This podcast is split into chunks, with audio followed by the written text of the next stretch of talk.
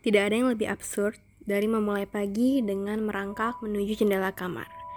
Menatap langit siang yang terang, lalu membiarkan kedua pipi disapa angin sepoi-sepoi lembut. Sesaat, semua ramah-ramah micin kehidupan terlihat jadi tidak penting lagi. Sudah pukul 10 pagi, cewek yang masih berpiyama itu kembali duduk.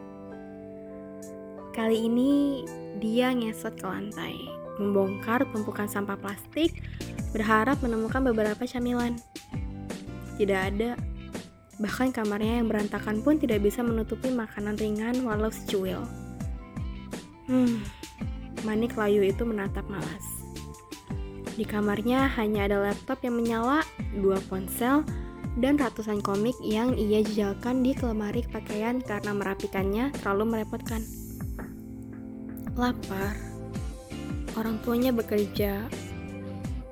Cewek berambut sebahu itu menggaruk kepala belakangnya sesaat. Menoleh, menyorot cermin. Sudah berapa bulan dia tidak menyisir. Perutnya kembali terbunyi. Di rumah dia hanya sendiri. Andai dia punya saudara, tentu dia tidak akan kerepotan seperti ini. Lapar. Mungkin dia harus pergi ke minimarket tapi dia tidak bisa mengendarai motor. Jarak rumahnya ke minimarket sekitar 500 meter. Kalau pergi pulang, artinya dia harus berjalan sekitar 1 km. Main game aja ah. Namanya Kana. 21 tahun, mahasiswa Fakultas Ilmu Komunikasi di salah satu universitas yang cukup terkenal di Bandung. Sedang libur karena menolak menjadi panitia ospek layaknya teman satu fakultasnya yang lain. Cewek itu mengabaikan perutnya yang lapar dia bisa memakan kalau nanti sore mamanya pulang. Karena mengambil ponselnya, membuka game MOBA, namun tidak bisa login. Tak lama kemudian, masuklah SMS pemberitahuan. Fotonya habis. Ini bencana. Wajah Kana langsung pucat. Dua ponselnya mendadak sama-sama tidak berguna. Kalau salah satu yang mati, dia bisa saja menggunakan m-banking untuk mengisi pulsa, tapi kalau dua-duanya yang mendadak tidak ada kuota, bukankah karena sedang ditimpa kemalangan? Gue pikir matahari masih belum terbit dari barat. Karena bergumam ngawur. Ia memimang-mimang apa yang harus dia lakukan sekarang. Gue gak punya pilihan. Karena menukar pakaian. Dia bisa saja menahan lapar, tapi tidak mungkin menahan tanpa internet. Setelah memakai celana kain hitam, singlet hitam, mantel coklat, karena mengambil tas lempang dan memakainya. Dia meraih sepatu catsnya, berdiri di depan rumah, kemudian menghela nafas erat. Hidup kuota!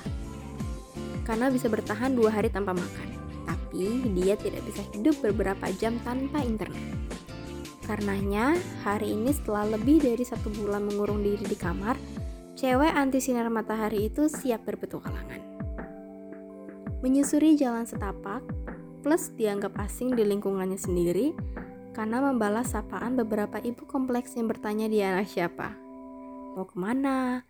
Dengan manis, karena menjawab hendak pergi ke minimarket. Lalu mohon pamit dengan tergesa, yang sebenarnya adalah isyarat dia tidak bisa bersosialisasi.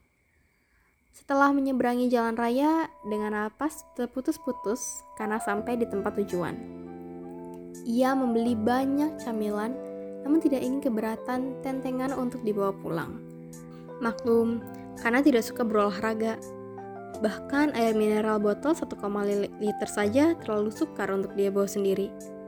Tidak lupa karena mengisi pulsa untuk kedua ponselnya agar tidak perlu berjalan jauh lagi. Misi pertama sukses Kesulitan kedua, karena tidak terlalu suka berbaur dengan lawan jenisnya. Dia selalu merasa takut setiap berjalan melewati sekumpulan cowok, apalagi saat dia sendiri. Alhasil, setiap melihat cowok berkumpul karena akan lari. Tuh cewek kenapa sih? Gak ngerti deh, cara larinya lucu banget, awas kesandung neng. Bruk. Karena beneran jatuh karena tidak sengaja menginjak batu. Ketimbang kesakitan, karena lebih merasa malu karena jatuh di depan banyak cowok. Dia berdiri, menepuki pakaian dan celananya yang kotor sambil melirik cowok-cowok yang menertawainya. Salah satu di antara cowok-cowok itu hendak membantunya berdiri. Namun, sebelum cowok itu sampai, karena lebih dulu melarikan diri. Misi kedua sukses. Napas Kana habis. Perjalanan ke minimarket seperti perjalanan berjuang mencari kitab suci. Setelah menghabiskan waktu satu jam, akhirnya Kana sampai di depan rumah. Kana berdiri di depan pintu, menatap cowok jangkung yang sejak tadi mengetuk pintu rumahnya yang terkunci. Cowok itu terkejut melihat Kana yang baru datang dengan penampilan super kacau. Dia mendekat, mengelap kening Kana yang banjir keringat. Lo dari mana? Kumel banget, ucapnya. Namanya Arlan sahabat baik Kana sejak kecil, namun memiliki kepribadian yang bertolak belakang dengannya. Arlan menghapus jejak debu di pipi putih Kana, kemudian menunduk melihat celana Kana yang kotor. Gue jatuh, Kana mengadu. Matanya berkaca-kaca. Celana gue robek. Emang lo dari mana? Mendengar pertanyaan Arlan, tangis Kana pun pecah.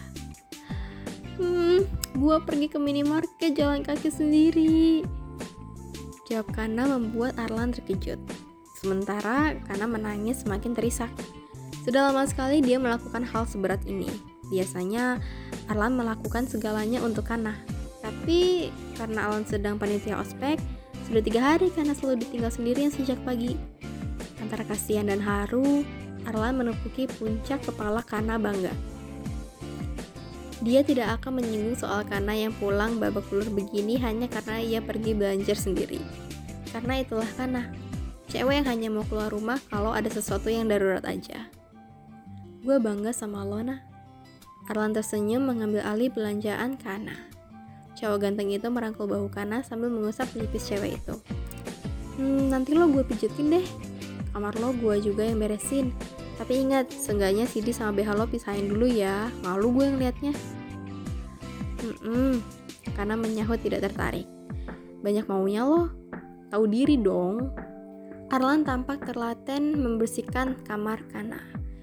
Seminggu 2-3 kali, dia pasti datang khusus untuk merapikan kekacauan cewek yang bahkan jarang memegang sapu.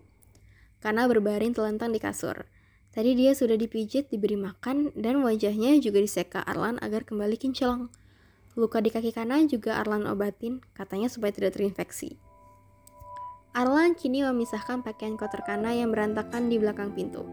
Hampir 90% pakaian yang ada di sana hanya baju tidur. Maklum, karena cuma mau mandi sehari sekali. Malam pakai baju tidur, siang juga sama. Dan seperti dugaan Arlan, ada pula celana dalam beraneka warna dan bra yang menjadi satu tumbukan yang sudah biasa dia lihat sejak SMP. Walaupun begitu, tetap saja Arlan merasa sedikit malu saat memasukkannya ke keranjang cucian. Setelah menyingkirkan pakaian kotor, Arlan meletakkan tangannya di tungkai kaki kanan dan pundaknya. Mengangkat si cewek pemalas dan memindahkannya ke sofa. Kali ini Arlan mengganti spray dan sarung bantal. Setelah semua rapi, karena dipindahkan lagi ke kasurnya. Lo itu, kita kan udah sama-sama dewasa, jangan sembarangan rebahan pamit CD mulu dong depan gua. Arlan menayari kaos karena yang sempat tersingkap.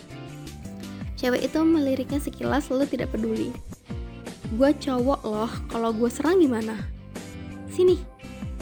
Karena menepuk-nepuk kasurnya. Tangannya kian ia rentakan, ia menatap langit-langit kamarnya dengan sorot tak peduli. Ayo serang gua. Memang cewek nggak waras, Arlen geleng-geleng. Lo nggak bisa selamanya kayak gini. Suatu hari lo bakalan hidup sendiri. Nyokap bokap lo nggak bakalan selamanya ada di sisi lo. Arlan memberi nasihat.